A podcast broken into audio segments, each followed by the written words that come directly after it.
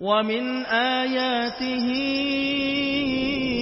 أن خلق لكم من أنفسكم أزواجا أزواجا لتسكنوا إليها وجعل بينكم مودة ورحمة. السلام عليكم ورحمة الله وبركاته. إن الحمد لله نحمده ونستعينه ونستغفره ونعوذ بالله من شرور أنفسنا وسيئات أعمالنا. من يهده الله فهو المهتد ومن يضلل فلن تجد له وليا مرشدا. أشهد أن لا إله إلا الله وحده لا شريك له وأشهد أن محمدا عبده ورسوله الذي لا نبي بعده. وقال الله سبحانه وتعالى يا أيها الذين آمنوا اتقوا الله حق تقاته ولا تموتن إلا وأنتم مسلمون. يا أيها الذين آمنوا اتقوا الله وقولوا قولا سديدا. يصلح لكم أعمالكم ويغفر لكم ذنوبكم. ومن يطع الله ورسوله فقد فاز فوزا عظيما. يا أيها الناس اتقوا ربكم الذي خلقكم من نفس واحدة وخلق منها زوجها وبث منهما رجالا كثيرا ونساء واتقوا الله الذي تساءلون به والأرحم إن الله كان عليكم رقيبا أما بعد إن أصدق الحديث كتاب الله وخير الهدي هدي محمد صلى الله عليه وسلم وشر الأمور محدثاتها وكل محدثة بدعة وكل بدعة ضلالة وكل ضلالة في النار Para pemirsa Rosat TV dan para pendengar radio Medan Mengaji dimanapun Anda berada. Alhamdulillah sore hari ini kita kembali dapat berjumpa melalui channel Rosat TV. Uh, di mana kita lanjutkan kembali kajian kita klinik pranikah yang lalu telah kita bacakan beberapa hadis yang terkait bagaimana Rasulullah Shallallahu Alaihi Wasallam bersikap, berbuat, dan e, berakhlak terhadap istri-istri beliau radhiyallahu anhunna. Kemudian ikhwatiddin dari apa yang telah kita bahas sekitar lima episode sebelumnya, kita bisa simpulkan di mana seorang e, suami dan seorang istri ataupun calon suami dan calon istri, seharusnya mereka memiliki karakter-karakter ataupun memenuhi karakter-karakter yang telah atau kriteria yang telah ditetapkan oleh syariat Islam. Kita bisa simpulkan ikhwah rahimani Allah wa iyyakum untuk uh, seorang istri seharusnya dia memenuhi beberapa kriteria sebagai berikut yang pertama yaitu dia memiliki agama yang bagus. Ini telah kita bahas secara panjang lebar pada episode-episode yang lalu di mana ikhwah seorang wanita yang mulia jika dia memiliki akhlak yang bagus, jika dia memiliki agama yang bagus. Karena uh, pada prinsipnya dalam Islam yaitu Inna akramakum indallahi atqakum. Sesungguhnya orang yang paling mulia di sisi kalian yaitu yang paling takwa di antara kalian. Bukan dikarenakan wajah, bukan dikarenakan kulit, bukan dikarenakan ras, bukan dikarenakan keturunan, dan juga bukan dikarenakan harta yang dimiliki. Makanya, ikhwah rahimani Allah wa iyyakum, ya, an-nasu min waladil Adam Manusia itu dari anak-anaknya Adam. Wal Adam, wal Adamu min turab. Dan anak Adam, dan Adam itu dasarnya dari, asalnya dari tanah. Baik, makanya yang membuat dia mulia adalah agamanya. Dan kita juga telah bahas bahwasanya ya kalau seandainya selain dia memiliki agama yang bagus juga kalau dapat memenuhi kriteria seperti cantiknya, jika keturunan baik, ya bagus, juga dikarenakan hartanya. Sebagaimana hadis yang yang telah disabdakan Rasulullah SAW, tungkahun nisa di arba'in, wanita itu dinakahi dikarenakan empat hal, dijamaliha, dikarenakan kecantikannya, wali maliha dikarenakan hartanya, wali hasabiha dikarenakan keturunannya, wali diniha dan dikarenakan agamanya. Fadfar bidatid din taribat yadak, pilihlah yang agamanya bagus. Yang solehah, kamu akan beruntung kata Rasulullah SAW. Di sinilah seorang wanita itu yang dikatakan Rasulullah dunia mata sesungguhnya dunia itu perhiasan wa khairu mata imra'atun solehah dan sebaik-baik perhiasan itu adalah seorang wanita yang solehah itu ikhwafiddin jadi di samping dia solehah ya boleh kita memilih yang keduanya apakah hartanya apakah kecantikannya ataukah dikarenakan keturunannya yang baik ataupun keturunan bangsawan dan seterusnya. Demikian ikhwafiddin. Kemudian selanjutnya, ikhwah rahimani Allah wa iyyakum, uh, kriteria berikutnya yaitu seorang wanita yang memang penyayang. Lemah, lembut dan penyayang. Dalam sebuah hadis yang diriwayatkan oleh Imam Bukhari dan Muslim, Rasulullah sallallahu alaihi wasallam bersabda, "Khairun nisa raqibun al-ibil." sebaik-baik wanita adalah yang mengendarai onta. Wasalihun nisa'i Quraisy dan wanita yang wanita yang soleh yang paling soleh adalah wanita-wanita suku Quraisy. Kenapa demikian? Ahnahu ala waladin fi Karena, karena wanita Quraisy itu paling sayang kepada anak-anak kecilnya wa ar'aha ala zauji fi dhati yadihi fi dhati fi fi dan mereka adalah yang wanita yang paling mampu menjaga amanah suaminya ya paling mampu menjaga amanah suaminya maksudnya amanah suaminya ini ikhwah ketika uh, suaminya pergi dia mampu menjaga harta suaminya dan mampu menjaga anak-anak suaminya Demikian ikhwafiddin. Rahimani Allah wa iyyakum. Khairun nisa rakibun al-ibil. Sebaik-baik wanita yaitu yang mengendarai unta. Salihun nisa'i Quraisy. Sebaik-baik wanita, sesoleh-soleh wanita adalah wanita dari suku Quraisy.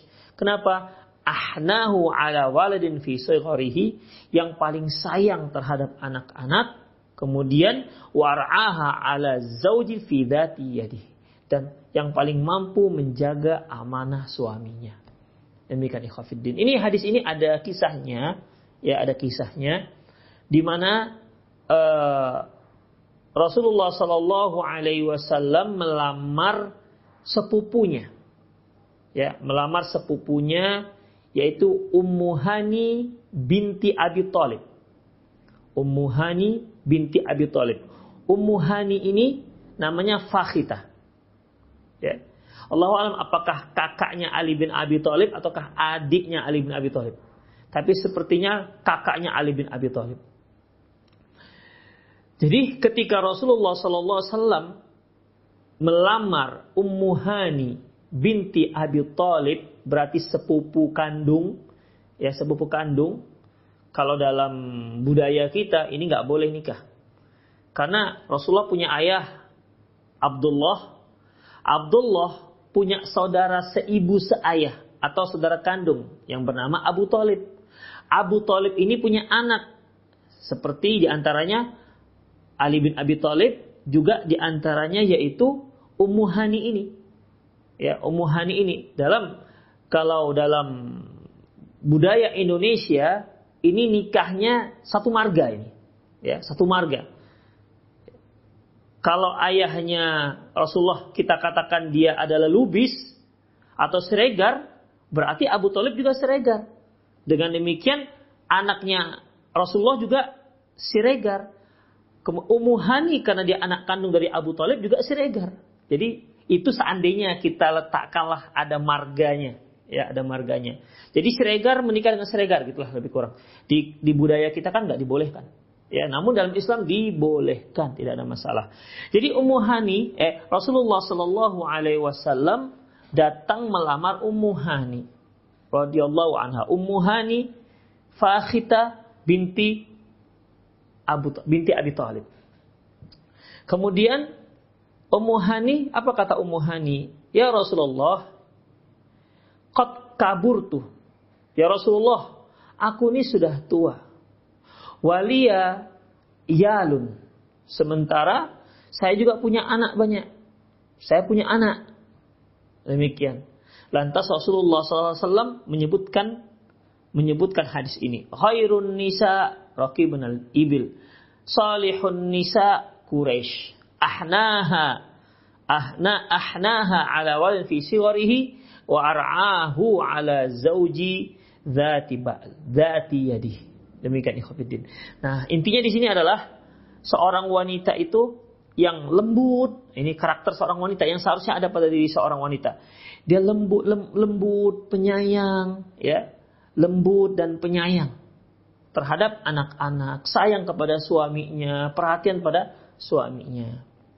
Kemudian ke kriteria uh, karakter berikutnya, ya, yaitu uh, yang sebaiknya ya, sebaiknya seorang lelaki itu menikahi atau dia mencari calonnya yang perawan, bukan yang janda. Ya, yang perawan bukan yang janda. Ini berdasarkan hadis yang diriwayatkan oleh Imam Bukhari dan Imam Muslim. Nabi SAW berkata kepada Jabir bin Abdullah ketika dia menikah. Rasulullah bertanya, Abikron am Apakah kamu menikahi perawan ataukah wanita yang sudah janda? Qala thaiban. Kata Jabir bin Abdullah, e, janda ya Rasulullah.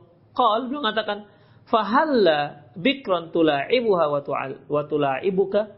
Loh, kenapa kamu tidak menikahi yang perawan saja di mana uh, dia bis, dia bisa kamu bisa bermain-main dengan dia dan dia bisa bermain-main denganmu. Demikian. Jadi intinya ikhwafiddin kalau dihadapkan pada kita e, antara e, janda dan perawan, maka pilihlah yang perawan. Ya, maka pilihlah yang perawan. Jadi ada ke, keistimewaan e, perawan tersebut. Di antaranya hadis yang telah kita bacakan bahwasanya seorang yang e, seorang yang di e, penyebab mengapa perawan itu karena mereka itu lebih apa? lebih lebih uh, lebih bersih rahimnya dan lebih ridho terhadap sesuatu yang sedikit. Itu ikhwatiddin rahimanallahu ayyakum. Kecuali kalau seandainya uh, apa namanya? Kecuali kalau seandainya memang ada maslahat yang di mana kita pilih yang janda. Seperti Jabir bin Abdullah ketika ditanya, kenapa kamu pilih yang janda, gak pilih yang perawan? Kata Jabir bin Abdullah, saya itu punya adik-adik perempuan yang masih kecil. Jadi dengan demikian, dengan mencari seorang janda, dia janda ini bisa mengayomi adik-adik Jabir bin Abdullah. Ya bagus juga ya, karena bukan berarti seorang wanita janda itu nggak bagus, bagus juga ya bagus. Uh, tapi kalau sejajarlah mereka kualitasnya, maka diutamakan yang yang gadis. Kemudian ikhwah yang berikutnya yaitu kalau bagus kalau bisa ya wanita yang uh, yang menjadi calon kita itu adalah wanita yang cantik, yang taat dan yang dan yang memegang amanah. Itu dia. Ini berdasarkan hadis Rasulullah sallallahu alaihi wasallam dari Abi Hurairah radhiyallahu anhu anna Nabiya SAW su'ila anis, an nisa'il khair.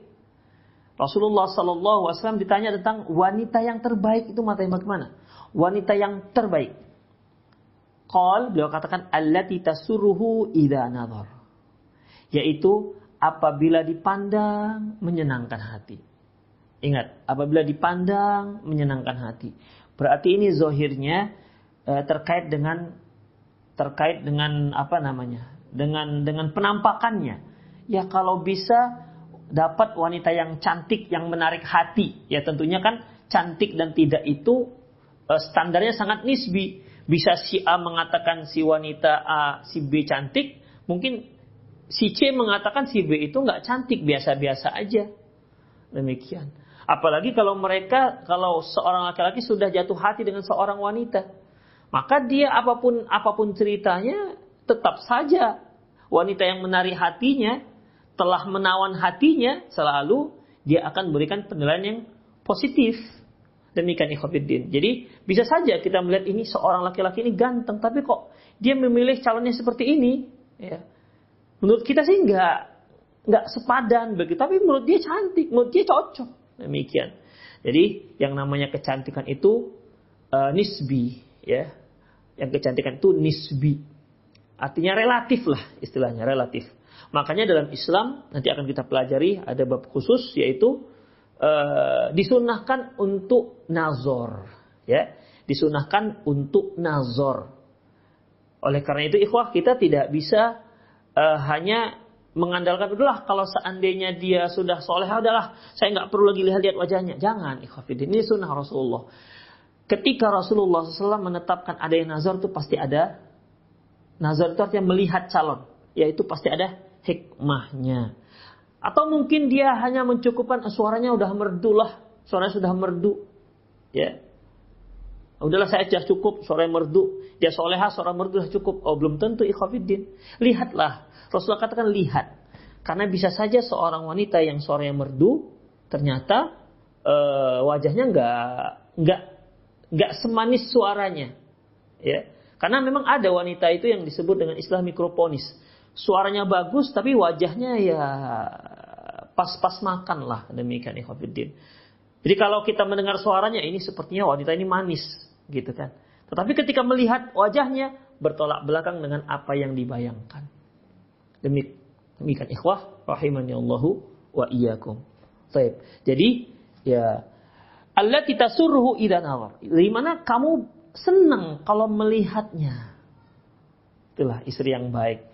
Kalau kita lihat dia, kita senang melihatnya, tenang hati kita melihatnya. Ya di sini kan berarti tenang melihatnya tidak harus tidak hanya masalah penampakan cantiknya, tapi juga terkait dengan apa? Terkait dengan uh, apa namanya? Ya akhlaknya kan bisa. Mungkin dia seorang yang parasnya biasa-biasa aja, ya tidak punya kelebihan, tapi akhlaknya masya Allah, sehingga kita senang melihatnya.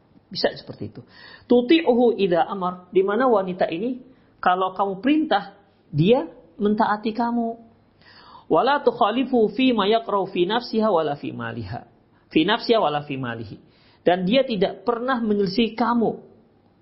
Tidak pernah menyelisih kamu dalam perkara-perkara yang kamu nggak suka. Baik masalah dirinya, dirinya ini mungkin penampilannya, ya, atau tindak tanduknya, wala fi malihi dan juga tidak masalah harta yang kamu berikan kepadanya atau kamu tinggalkan untuk dia. Demikian ikhwafiddin. Makanya seorang wanita ketika dia berhias atau ketika dia mau beli baju yang dia pakai di rumah, ya, ada baiknya konsultasi dengan dengan suaminya. Dia tanya, e, "Bang, e, saya mau beli daster, Abang sukanya wa, wa, baju warna apa?" gitu.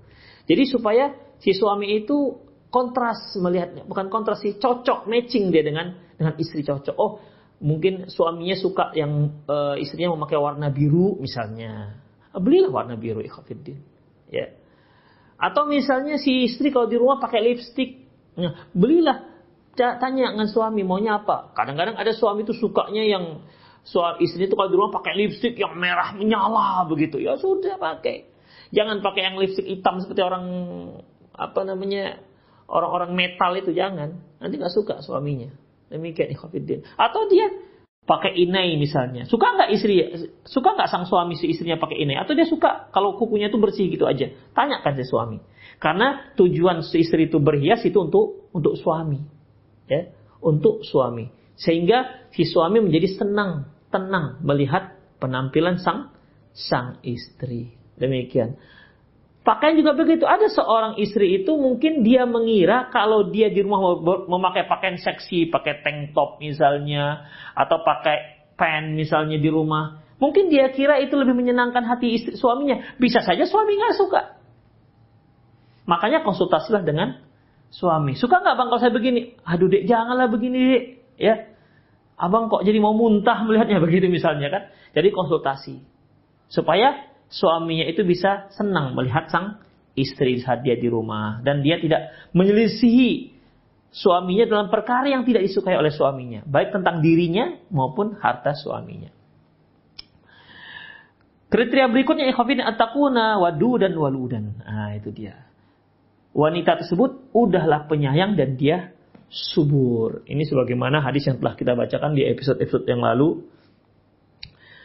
Rasulullah Sallallahu Alaihi Wasallam bersabda, "Tazawajul walud wadud." Nikahilah wanita yang walud, ya, walud yang subur, wadud dan yang penyayang, sayang nggak terhadap anaknya, sayang terhadap suaminya, ya. Walud, wadud. Fa inni mukafirum bikum umam. Karena aku akan bangga dengan banyaknya umatku nanti di hari kiamat.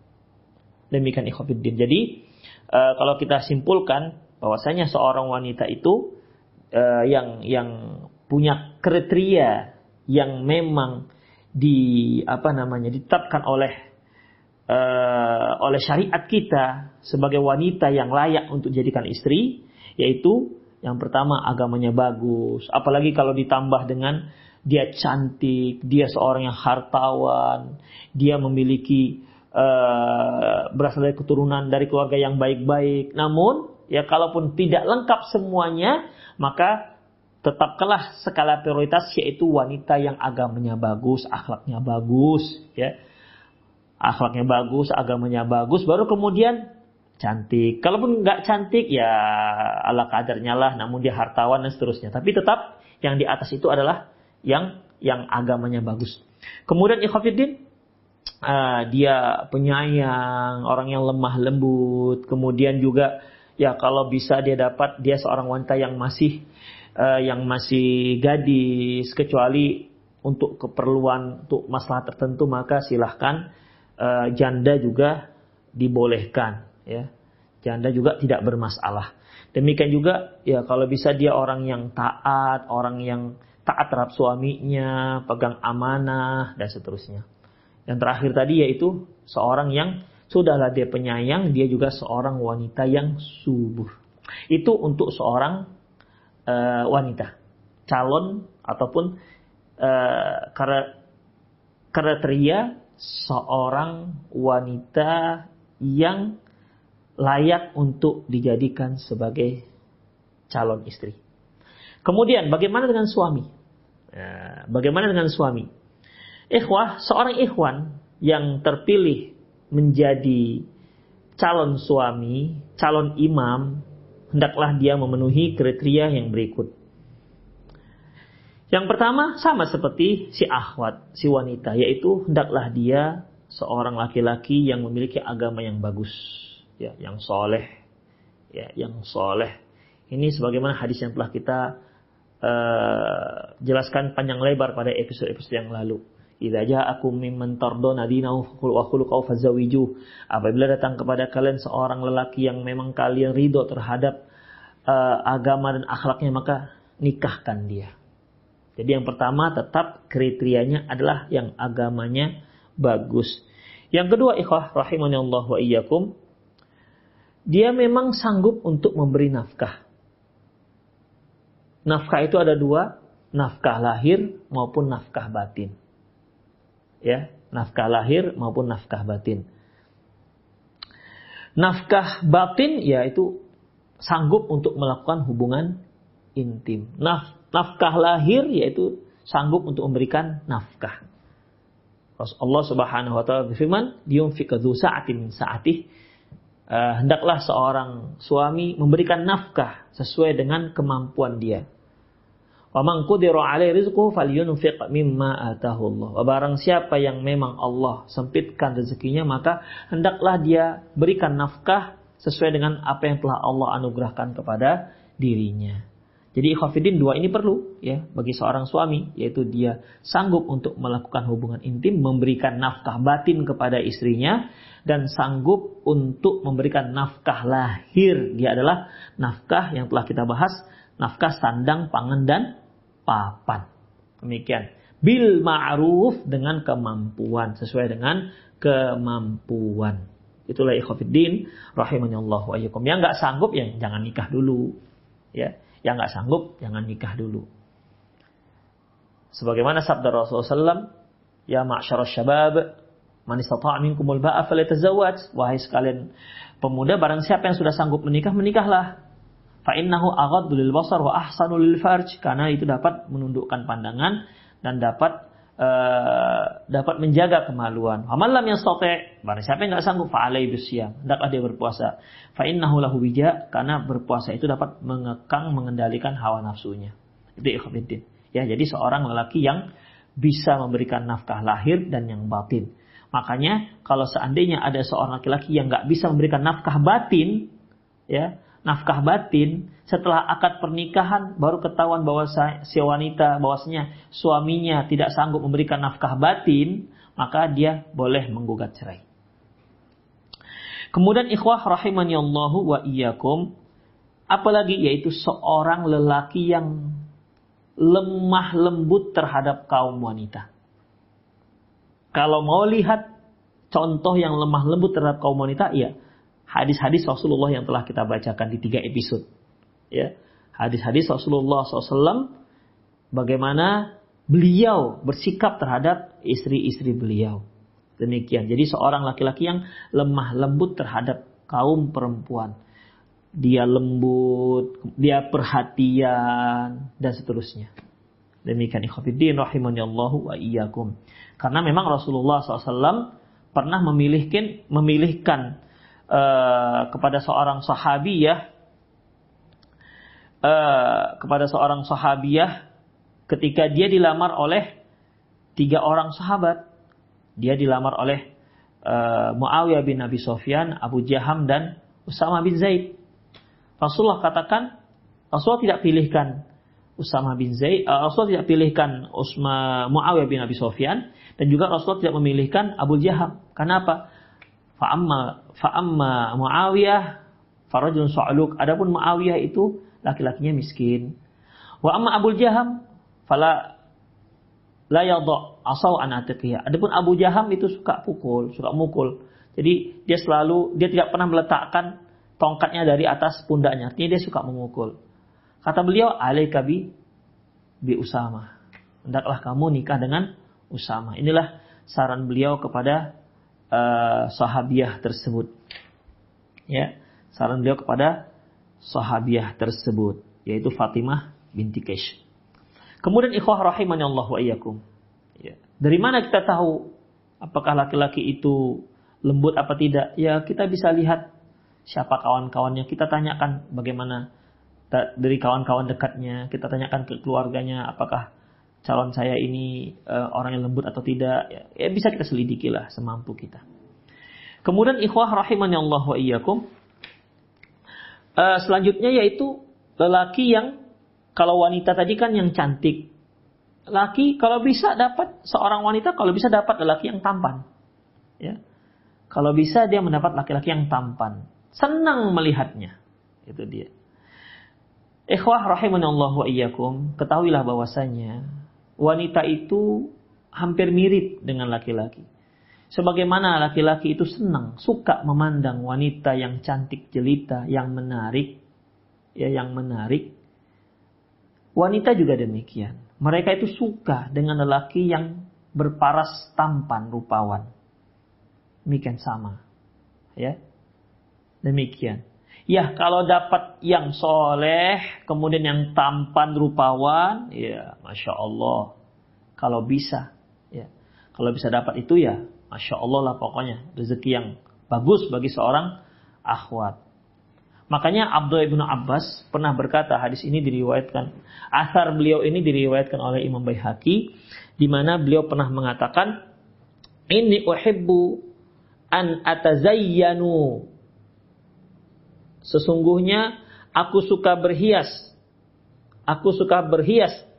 An atazayyanu lil mar'ati kama uhibbu an tatazayyana li al mar'ah. Aku itu suka berhias untuk istriku sebagaimana aku suka istriku berhias untukku. Jadi kalau kita sebagai sang suami suka kalau istri kita suka dandan, kalau kita lihat dia sahur rapi, ya nggak acak-acakan, nggak bau bawang, apalagi campur ikan asin, kita selalu ter, ter, tercium aroma wangi dari istri kita, tidak tercium bau ketek misalnya.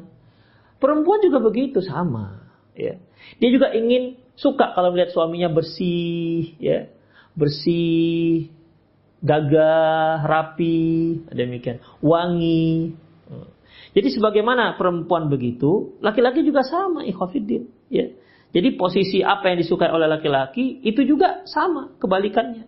Disukai oleh perempuan. Kemudian Ibnu Abbas mengatakan li Allah taala qala karena Allah Subhanahu wa taala firman walahunna mithlul ladzi alaihinna bil ma'ruf. Sesungguhnya kaum wanita itu memiliki hak sepadan dengan kewajiban dia bil ma'ruf dengan cara yang ma'ruf. Artinya kalau seandainya uh, wanita itu wajib berhias untuk suaminya, maka dia juga punya hak mendapatkan suaminya juga berhias untuk dirinya. Walahunna mitlalladzi alaihinna. Walahunna itu artinya untuk mereka.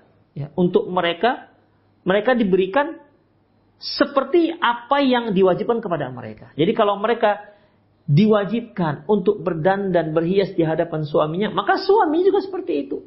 Bil ma'ruf tentunya dengan ma'ruf. Demikian ikhwah rahimanallahu yakum. Ya tentunya dandannya laki-laki dengan dandannya perempuan beda. Jangan ketika si istri pakai bedak, masya Allah selapis, dua lapis, tiga lapis, ada pakai alas bedak, pakai bedak, pakai krim, krim duha, krim apalagi krim malam, ada pakai apa sunblock. Eh, artinya ya laki-laki jangan seperti itu, ya. Laki-laki jangan seperti seperti itu. Ketika si istri di hadapan suaminya pakai lipstick, begitu karena suami suka kalau eh, istrinya pakai lipstick, suaminya pakai lipstick. Kenapa? Itu bukan cara berhiasnya laki-laki. Jadi Wanita punya cara berhias sendiri, laki-laki punya cara berhias tersendiri. Nah, demikian ikhwafiddin. Jangan samakan antara berhias laki-laki dengan berhias perempuan. Namun intinya ikhwafiddin, sebagaimana laki-laki suka melihat istrinya yang menarik, para istri juga suka melihat suaminya yang menarik. Itulah ikhwah rahimani Allahu wa iyyakum. Yang terakhir. Nah, kemudian ya, yaitu apa lagi? Ya, jangan sampai laki-lakinya laki-laki yang mandul. Kalau bisa laki-laki memang turunan orang yang banyak anaknya. Sebagaimana wanita yang Rasulullah katakan tadi, tazawwajul walud, wadud. Nikahilah wanita yang walud, yang yang apa namanya? Yang subur, wadud dan penyayang. Laki-laki juga begitu. Ya, jangan sampai uh, jangan sampai laki-laki tersebut laki-laki yang yang mandul.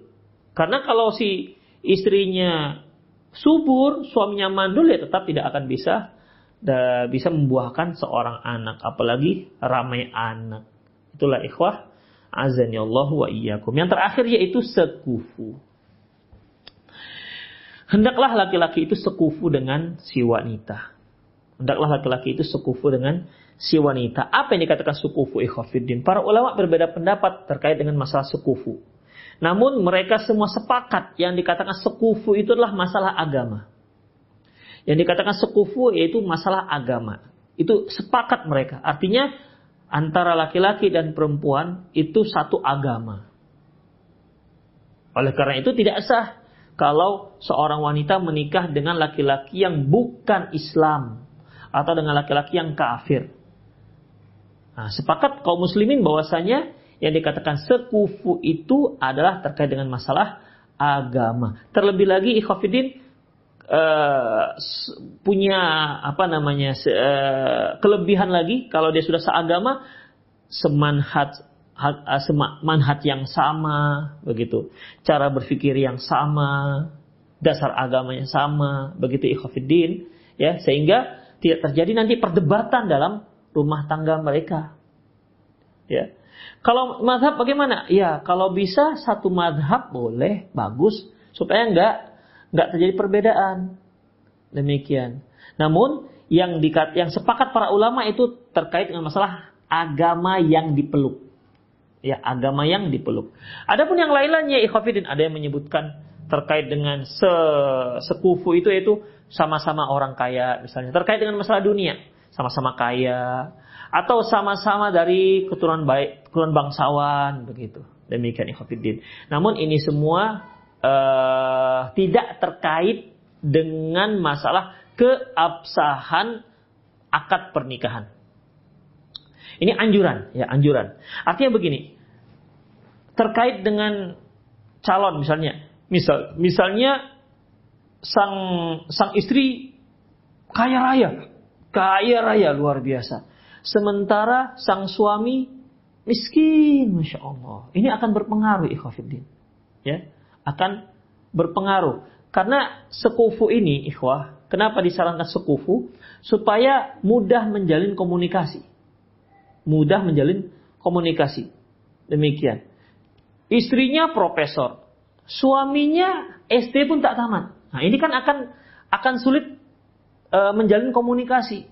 Nanti si istri e, si istri akan bicara mungkin bahasa-bahasa ilmiah yang biasa dia pakai di kampus. Namanya juga profesor.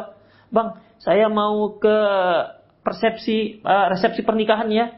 ya. Nanti dikira apa tuh resepsi itu? Apa resepsi di sebangsa makanan apa dia? Nah, begitu. Karena dia nggak ngerti.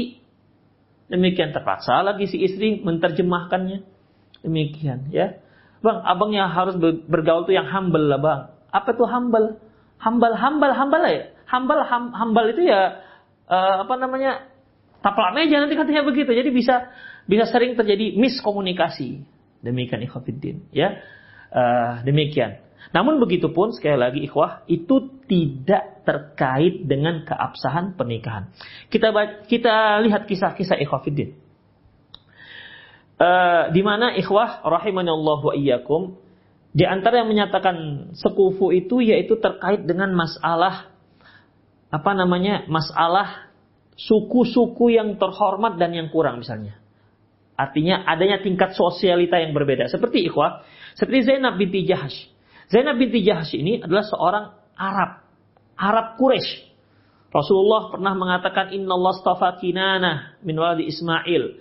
Sesungguhnya Allah mengistimewakan kinanah dari seluruh anak-anak Ismail. Wastafa Quraisy min kinanah. Dan Allah istimewakan Quraisy dari anak-anak kinanah. Wastafa min Quraisy Bani Hashim. Dari sekian banyak suku kabilah Quraisy Allah mengistimewakan Bani Hashim dibandingkan uh, suku-suku yang lain. Wastafani min Bani Hashim. Dari sekian banyak orang yang memiliki nasabnya dari Bani Hashim, dari Hashim, Allah memilihku. Artinya ada keistimewaan. Namun ternyata ikhwafiddin rahimani Allah wa iyyakum, Zainab binti Jahash menikah dengan Zaid bin Haritha. Zaid bin Haritha ini mantan budak, mantan hamba sahaya. Ya. Jadi ya menunjukkan bahwasanya tidak tidak terkait dengan keabsahan. Tidak terkait dengan keabsahan e, pernikahan dan boleh nggak ada masalah, ya. Boleh nggak ada masalah. Demikian juga ikhwah rahimani Allah wa iyyakum. Usama bin Usama bin Zaid. Tadi kalau Zaid bin Harisah menikah dengan Zainab binti Jahash, orang Quraisy, ya. Zaid bin Harisah adalah seorang hamba sahaya, mantan hamba sahaya. Demikian juga anak Zain bin Harisa yaitu Usama bin Zaid menikah dengan Fatimah binti Qais yang tadinya dia dilamar oleh Muawiyah dan Abu Jaham. Ternyata dia memilih Usama bin Zaid karena itu merupakan pilihan Rasulullah SAW. Usama bin Zaid, ini juga mantan hamba sahaya. Demikian. Ya, rahimani Allah wa iyyakum. Atau terkait dengan masalah kaya dan tidak kaya misalnya. Ini pernah kasus terjadi pada zaman Rasulullah SAW antara Abdullah bin Mas'ud dengan istri beliau yaitu Zainab. Ya. Pada satu hari Zainab berkata kepada Rasulullah SAW, Ya Nabi Allah, innaka amarta al-yawm bisadaqah. Wa kana indi hulayin li, fa'aratu an atasaddaqa biha. Kata Zainab, istrinya Abdullah bin Mas'ud, Ya Rasulullah, sesungguhnya hari ini Anda menyuruh kami untuk bersedekah dan aku punya perhiasan. Nah, aku ingin bersedekah. Aku ingin mensedekahkan perhiasan-perhiasanku ini. Kata Zainab istri Abdullah bin Mas'ud. Tapi ya Rasulullah, faza'ama ibnu Mas'ud annahu wa waladuhu ahakku man tatasad man tasaddaqtu alaihim tapi suamiku Ibnu Mas'ud mengatakan dia lebih berhak menerima sedekah tersebut. Dia lebih berhak menerima sedekah tersebut. Apa kata Rasulullah SAW? Ya. Apa kata, apa kata kata beliau sedekah Ibnu Mas'ud? Betul Ibnu Mas'ud. Artinya kamu lebih afdol bersedekah untuk suamimu dan anakmu ketimbang pada orang lain. Nah, ini kan menunjukkan bahwasanya Zainab yang memiliki har, dia hartawan, Sementara Abdul Mas'ud miskin. Buktinya Zainab ingin bersedekah, ternyata inginnya Abdullah bin Mas'ud dia yang menerima sedekah tersebut. Boleh ikhwafidinnya, boleh. Seorang istri boleh dia berzakat untuk mengeluarkan zakat untuk suaminya. Karena apa? Karena suaminya bukan di bawah tanggung jawab dia. Tapi suami nggak boleh berzakat kepada sang istri dan anaknya. Demikian. Ini kan menunjukkan bahwasanya Ibnu Mas'ud waktu itu miskin, orang fakir, sementara istrinya Zainab orang hartawan. Namun ikhwafiddin, ternyata Islam nggak mempermasalahkan masalah ini. Demikian ikhwah rahimani Allahu wa iyyakum. Demikian juga kisah Abu Hindun. Abu Hindun ini tukang bekamnya Rasulullah SAW dari dari Bani Biyadah. Ya. Abu Hindun ini merupakan mantan hamba sahayanya Bani Biyadah. Ketika itu Rasulullah SAW mengatakan kepada Bani Biyadah, Wahai Bani Biyadah, nikahkanlah Abu Hindin tukang bekam ini dengan anak-anak gadis kalian. Demikian. Sudahlah Abu Hindin, Abu Hindun ini mantan budak dari dari Bani Biyadah, kerjaannya juga tukang bekam. Waktu itu bekam itu profesi yang paling rendah pada saat itu. Ya, profesi yang yang paling rendah di saat itu. Demikian ikhwah rahimani Allah wa iyyakum. Kemudian uh, ada juga seorang sahabiah bernama Bariroh ketik dia dan suaminya sama-sama hamba sahaya. Kemudian Aisyah radhiyallahu anha mem memerdekakan Bariroh. Setelah dia beli Bariroh ini, kemudian dia merdekakan. Kemudian Bariroh ingin minta cerai dari suaminya yang masih hamba sahaya. Sampai-sampai Rasulullah pernah mengatakan, ya Bariroh gimana kalau janganlah kalian berpisah. Kata Barirah, ya Rasulullah ini perintah ataukah sekedar saran? Kata Rasulullah, ini sekedar saran. Oh, kalau begitu saya nggak berminat untuk tetap menjadi istri suaminya yang masih status sebagai hamba sahaya. Jadi ikhwah rahimanallah wa yakum. Uh, yang jelas bahwasanya yang sekufu itu penting, namun bukan menjadi syarat sahnya pernikahan. Ya, tapi memang untuk mudahnya menjalin komunikasi, maka carilah yang sekufu. Ya, yang sekufu ya kalaupun ada perbedaan jangan terlalu terlalu jauh supaya mudah untuk menjalin komunikasi. Istrinya Masya Allah hafal 30 juz. Suaminya ikro satu nggak tamat. Ini kan senjang terlalu senjang nih. Ya. Ini akan terlalu senjang ikhwatiddin rahimani Allah wa iyyakum. Namun dari hadis-hadis yang kita lihat uh, pada yang dari yang kita telah uh, sampaikan tadi ya para ulama memberikan e, beberapa kesimpulan. Ada dua kesimpulan yang diambil dari para ulama. Ya, kesimpulan pertama yang yang kita sudah kita sebutkan tadi yaitu e, bahwasanya kufu itu sekufu itu tidak menjadi syarat sahnya e, pernikahan kecuali sekufu terkait masalah agama. Kalau itu terkait dengan masalah keabsahan. Seperti wanitanya muslim, laki-lakinya kafir. Ini nggak sah pernikahannya. Namun selebihnya terkait dengan masalah ekonomi, terkait masalah nasab, terkait masalah suku, terkait masalah yang lain itu itu afdolnya sebaiknya ya sekufu lah supaya memudahkan ya. Supaya memudahkan. Ya kalaupun misalnya sesuku ya kalau dia sesuku ya bagus. Karena apa terkadang yang satu suku itu seleranya sama ya. Seleranya sama. Atau satu bangsa. Karena apa iklimnya sama kalau seandainya yang yang istrinya orang Eropa misalnya, yang selalu tempatnya dingin misalnya, sementara yang satu lagi di Indonesia yang tropis, dia nggak bisa betah tinggal di Indonesia. Kalau si kalau yang pasangannya dibawa ke Eropa juga tak betah di sana karena dingin misalnya, akhirnya kan repot jadinya. Demikian. Dan juga kalau bisa ikhafidin yang yang sekufuin terkait dengan bahasa. Karena bahasa itu sangat penting. Salah satu uh, apa namanya? Salah satu Eh, sarana untuk berkomunikasi. Ya, sarana untuk berkomunikasi. Bagaimana cara seorang suami berkomunikasi dengan yang dengan baik sementara dia nggak ngerti bahasa suami? eh, bahasa istrinya. Gak bisa dia bersikap romantis. Ya, gak bisa dia bersikap romantis. Gimana caranya? Orang yang bisa mengeluarkan kata-kata romantis, yaitu kalau dia sudah menjadi bahasa dia, ya, sudah menjadi bahasa dia. Demikian ikhwah. Sehingga dengan intonasi yang dia ucapkan, ya, terasa sampai ke jantung sang istri. Demikian. Sebab kata-kata romantis itu kalau salah penempatan dan salah intonasi jadi lucu jadinya. Ya. Jadi jadi lucu. Demikian ikhwafiddin rahimani Allah wa iyyakum. Berapa banyak kita mendengar seorang berbahasa Indonesia yang bukan orang Indonesia, dia bicara biasa saja, tapi kita mendengar lucu. Ya kan? Itu dia. Makanya ikhwah uh, kalau bisa ya itulah yang sekufu yang jangan terlalu jangan terlalu kalaupun ada perbedaan jangan terlalu terlalu jauh perbedaannya. Ya yang ada kemungkinan bisa mereka menjalin rumah tangga dengan cara yang baik dengan komunikasi yang yang baik. Nah itu yang pertama ya bahwasanya uh, sekufu itu bukan syarat sah pernikahan. Yang kedua ikhwafiddin rahimanallah wa iyyakum yang dikatakan sekufu ini adalah yaitu syarat yang bisa diterima oleh perempuan bukan yang laki-laki. Ya, bukan yang laki-laki. Mengapa demikian? Mengapa tidak perempuan? Misalnya nih, seorang yang si calon suami kaya raya, sementara si istri miskinnya luar biasa misalnya. Apakah ini sekufu?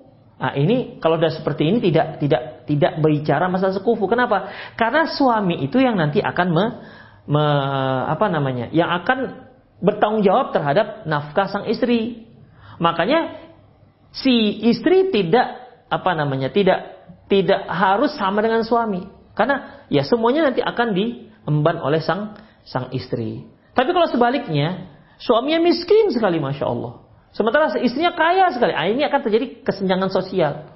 Si istri biasanya dia beli beli bedaknya saja mungkin satu paket bedaknya sekian juta. Sementara sang suami pendapatnya satu satu bulan satu juta setengah. Bagaimana? Apa apa mungkin pendapatnya satu bulan untuk hanya untuk beli bedak, nggak makan?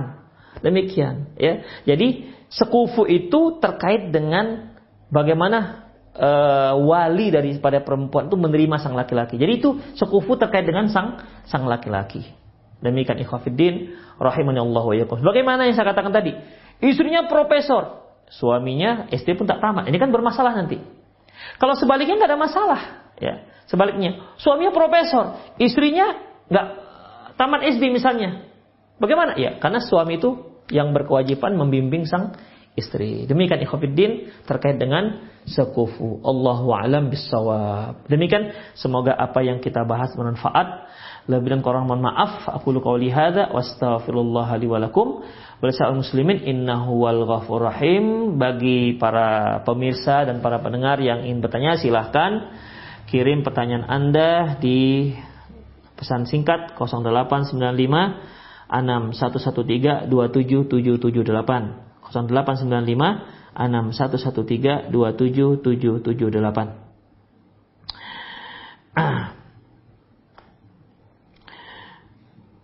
Uh, Bismillah, Assalamualaikum Ustaz. Semoga Ustaz dan keluarga selalu dalam lindungan Allah. Saya mau bertanya, kalau misalnya saya saya lamaran hari ini, kemudian besok akad pernikahan, apakah diperbolehkan Ustadz? Karena Allah calon saya dari luar kota dan setelah berdiskusi sepertinya lebih baik semuanya lamaran tambah akad. Dilakukan dalam satu kedatangan saja mengingat susahnya bepergian di tengah pandemi seperti ini. Bolehkah Ustadz? Bagus sekali ikhwah. Bagus sekali. Ya semakin cepat semakin bagus. Karena pada dasarnya, pada dasarnya lamaran resmi seperti yang biasa kita lakukan, ya, ya ada yang kita antar lah, ya sebagai pertemuan pertama antara dua keluarga sebelum akad pernikahan itu kan budaya. Itu budaya.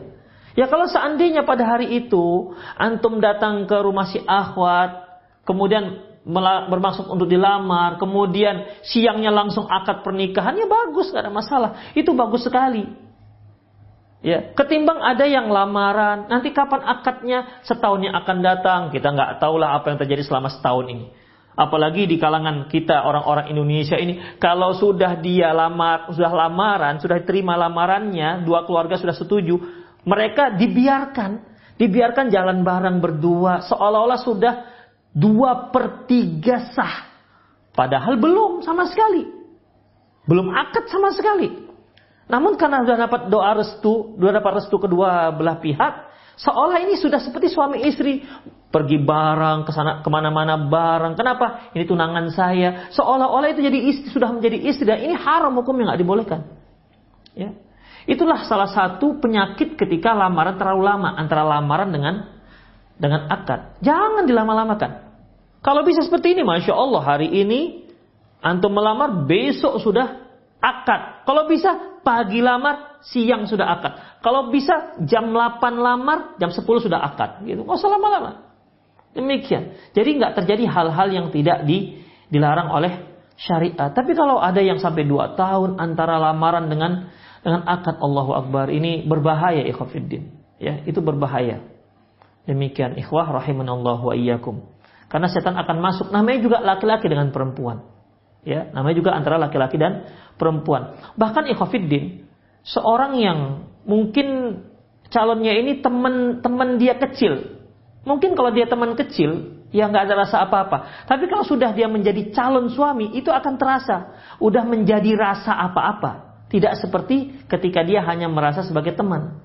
Ketika sudah menjadi calon suami itu sudah sudah sudah lain rasanya. Makanya jangan lama-lama, ikhwah rahimani Allahu wa iyyakum. Kalau antum bisa seperti ini, masya Allah, berarti pandemi yang diberikan Allah turunkan Allah itu ada hikmah baik untuk antum. Ini salah satu hikmah adanya corona ini, masya Allah, antum dalam satu hari bisa melamar dan langsung besoknya menikah. Tuh saya hitungan jempol, masya Allah. Ya, bagus, ini bagus ini. Ini kalau bisa semua begitu. Walaupun nggak ada pandemi, kalau bisa begitu aja semua begitu tanpa ada apa namanya uh, jedah waktu terlalu lama antara lamaran dan dan uh, apa namanya dan dan akad. Uh, Assalamualaikum Ustaz, apakah boleh setelah khidbah tetapi menikahnya masih satu tahun lagi? Karena masih memiliki kontrak kerja, mohon penjelasannya. Masalah ini insya Allah akan kita bahas pada pembahasan khidbah. Ya, insya Allah. Namun pada dasarnya sebagai yang sebagaimana saya saya katakan tadi yaitu ya sebaiknya jangan lama-lama antara khidbah lamaran dengan akad. Kalaupun mau tidak mau ada jeda waktu antara lamaran dan akad, maka pandai-pandailah menjaga hati. Ya, pandai-pandailah menjaga hati. Sebab kaum laki-laki ini dia punya insting merayu. Itu dia, ada insting merayunya. Apalagi dengan calon dia rasa ini kan calon calon istri saya, begitu. Tentu harus adalah ya pendekatan-pendekatan tertentu, pendekatan hati. Alasannya begitulah supaya nanti ketika akad dia penyesuaian, nah itulah bisikan-bisikan setan sehingga menganggap gak apa-apa dalam masalah seperti itu. Ya, kalau memang mau tidak mau harus terjadi jeda waktu yang panjang, maka harus ketat benar-benar menjaga hati. Assalamualaikum Pak Ustadz, apakah kalau ada penawaran ikhwan, terus saya bertanya bagaimana dengan parasnya, dan ketika saya melihat dan rasa kurang serak, saya menolak untuk memulai proses ta'aruf dengan dia. Apakah hal tersebut berdosa Ustadz? Jazakumullah khairan barakallahu fik. Wafika barakallah, uh, ikhwah, ketika adanya syariat nazor, melihat calon istri, ya, melihat calon istri dan istri juga melihat seorang wanita melihat calon suaminya itu menunjukkan juga masalah paras bukan perkara yang diabaikan dalam Islam. Jadi ketika seorang laki-laki mau menikah dengan seorang wanita, kemudian dia belum tahu parasnya misalnya. Kemudian setelah dia lihat ternyata dia nggak menarik, nggak tertarik hatinya, nggak apa-apa. Karena Rasulullah mengatakan, lihatlah calonmu ya supaya ada kecenderungan hatimu pada dia. Jadi ketika seorang laki-laki ataupun seorang perempuan melihat calonnya tidak ada kecenderungan hati, ya sudah jangan dilanjutkan. Ya, jangan dilanjutkan. Demikian ikhwatiddin rahimani Allahu wa iyyakum. Dan uh, apa namanya para akhwat pun kalau dia dinazor oleh seorang ikhwan dengan cara yang resmi, kemudian ternyata ikhwannya tidak tertarik, janganlah berkecil hati. Jangan berkecil berkecil hati. Demikian. Mengapa saya tujukan ini kepada akhwat, kepada wanita? Karena seringnya merasa kecil hati itu kaum wanita. Kalau ikhwan ditolak karena parasnya nggak ganteng, mereka nggak begitu kecil hati walaupun ada tapi tidak seperti kaum wanita. Demikian. Makanya ikhwah Allah wa iyyakum uh, ini sangat besar perannya bagi orang yang ketiga, mak comblangnya. Mat comblangnya harus pandai dalam masalah ini. Di mana ketika nador, ketika nador, kemudian tetapkan kapan jawabannya, berapa hari setelahnya, apakah seminggu atau tiga hari. Kemudian jangan tanya akhwatnya dulu, tapi tanyalah ikhwannya dulu. Nanti kalau kita tanya akhwatnya, saya setuju. Kemudian ikhwannya nggak setuju, jadi nggak enak rasanya. Tanyalah ikhwannya dulu, jangan tanya akhwatnya. Ya, ya, tanya ikhwannya. Kalau ikhwannya nggak setuju, udah langsung kita kasih tahu. Ukti, ikhwannya nggak setuju. Ya sudah, tadi kan belum ngasih jawaban.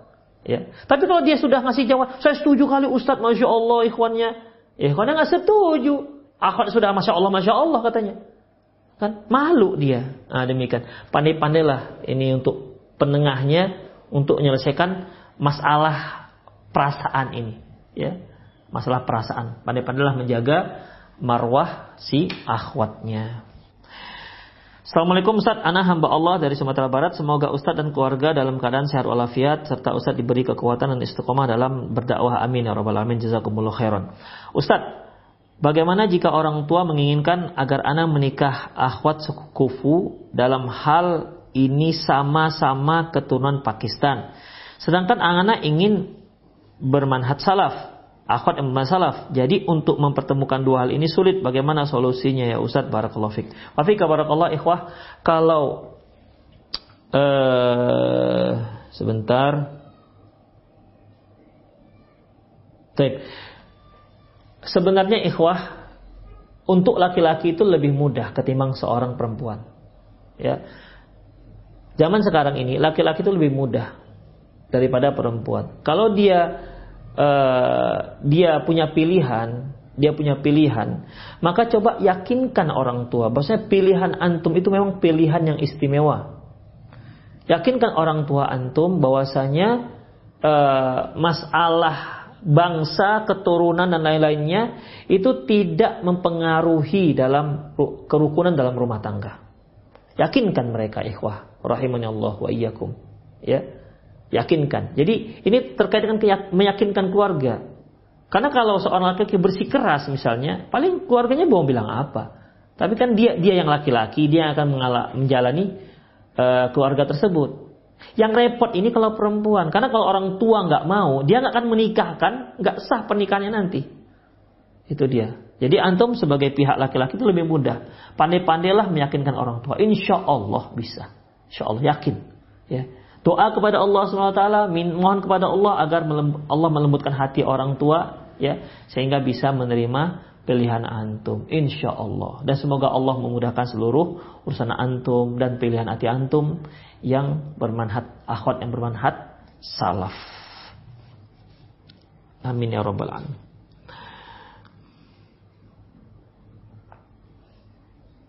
Ustadz, bagaimana cara kita mengetahui sikap dan calon istri kita karena kita kan tidak tahu satu sama lain lebih mendalam. Apakah nanti setelah akad nikah saja barakallahu fikum. Jazakumullah khairan fika barakallah. Ikhwah perhatikan. Ada cara-caranya untuk mengetahui bagaimana calon karakter calon kita itu. Rasulullah mengatakan ikhwah, ya, "I'tabirun nas bi akhdanihim." Nilailah manusia dengan siapa teman-teman dekatnya. Nilailah manusia dengan siapa teman dekatnya. Kalau teman dekat istri antum orang-orang yang baik-baik, insya Allah dia juga orang baik. Karena Rasulullah mengatakan almaru ma'adini khalilihi. Seorang itu agamanya sesuai dengan teman dekatnya. Teman dekat ya bukan kenalan. Almaru ma'adini khalilihi. Seorang itu sesuai cocok seperti agama teman dekatnya. Falyandur mimman yukhalil, makanya hati-hati dalam mencari teman dekat. Nah, coba antum perhatikan siapa teman dekat. Karena umumnya seorang itu punya teman dekat. Kalau ternyata teman dekatnya seorang yang solehah, antum sudah bisa mendapat kesimpulan dan penilaian tersendiri. Itu dia. Itu satu. Yang kedua, tanyalah dari orang-orang yang ada sekitar dia. Ya teman-teman yang bergaul dengan dia, bagaimana sikap-sikap dia, begitu. Udah. Yang ketiga bagaimana doa kepada Allah Subhanahu wa taala. Ya, doa kepada Allah. Karena yang mengetahui yang mengetahui serang, mengetahui 100% itu bagaimana hanya Allah Subhanahu wa taala. Kita hanya bisa menerka ya paling pun dapat hanya mungkin 70%. Sisanya itu ikhafiddin. Sisanya itu tawakal pada Allah Subhanahu wa taala. Makanya doa kepada Allah dan makanya ada disyariatkan bagi kita untuk doa istikharah. Yang isinya apa? Ya Allah, apabila dia baik untukku, untuk agamaku, untuk duniaku, baik cepat maupun lambat, maka mudahkan. Tapi kalau tidak, ya Allah, jauhkan aku dari dia dan jauhkan dia dari aku. Kan itu doanya. Demikian. Itu semua kita lakukan setelah berkonsultasi dengan eh, orang-orang uh, yang ada di sekitar kita. Allahu a'lam bissawab. Bismillah Ustadz izin bertanya bagaimana hukum berhias bagi akhwat pada saat acara akad pernikahan? Adakah batasan-batasan berhiasnya seorang akhwat agar tidak timbul tabarruj?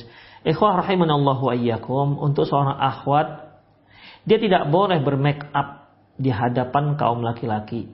Tapi kalau dia berhias, bermake up misalnya, ya, itu hanya di hadapan undangan perempuan tidak masalah dia pakai parfum di, di, di, di, hadapan undangan kaum wanita tidak masalah. Ya. Karena Rasulullah SAW mengatakan, ayu mamra'atin marat ala qaumin ayu mamra'atin ista'tarat marat ala qaumin liyajidu rihaha fahiya wanita mana ya, mana saja yang pakai wangian kemudian dia melintas satu kaum agar kaum tersebut mencium aroma wanginya maka wanita itu pelacur kata Rasulullah. Kaum di sini maksudnya kaum laki-laki. Tapi kalau dia hanya di antara kaum perempuan saja nggak apa-apa. Ya. Kalau dia hanya di antara kaum perempuan saja nggak apa-apa. Makanya sangat penting dalam masalah walimah itu di, di dibedakan antara tempat laki-laki dan tempat perempuan. Karena umumnya orang berwalimah itu mereka berhias, apalagi mempelai mempelai perempuan, ya, apalagi mempelai perempuan. Demikian. Apalagi kalau e, keluarga nggak setuju kalau nggak di pelaminan. Nah, ini kan bermasalah ikhwafiddin. Ya, ini akan bermasalah jadinya. Demikian. Jadi kalau untuk bermake up dia berhias selama make upnya berhiasnya bukan hiasan yang dilarang ya seperti mencabut bulu alis itu kan dilarang ya. Selama dia masih dalam batasan dibolehkan maka silahkan. Namun dia berada di di kalangan uh, tetamu, para tamu undangan yang perempuan saja. Demikian. Allahu a'lam bishawab.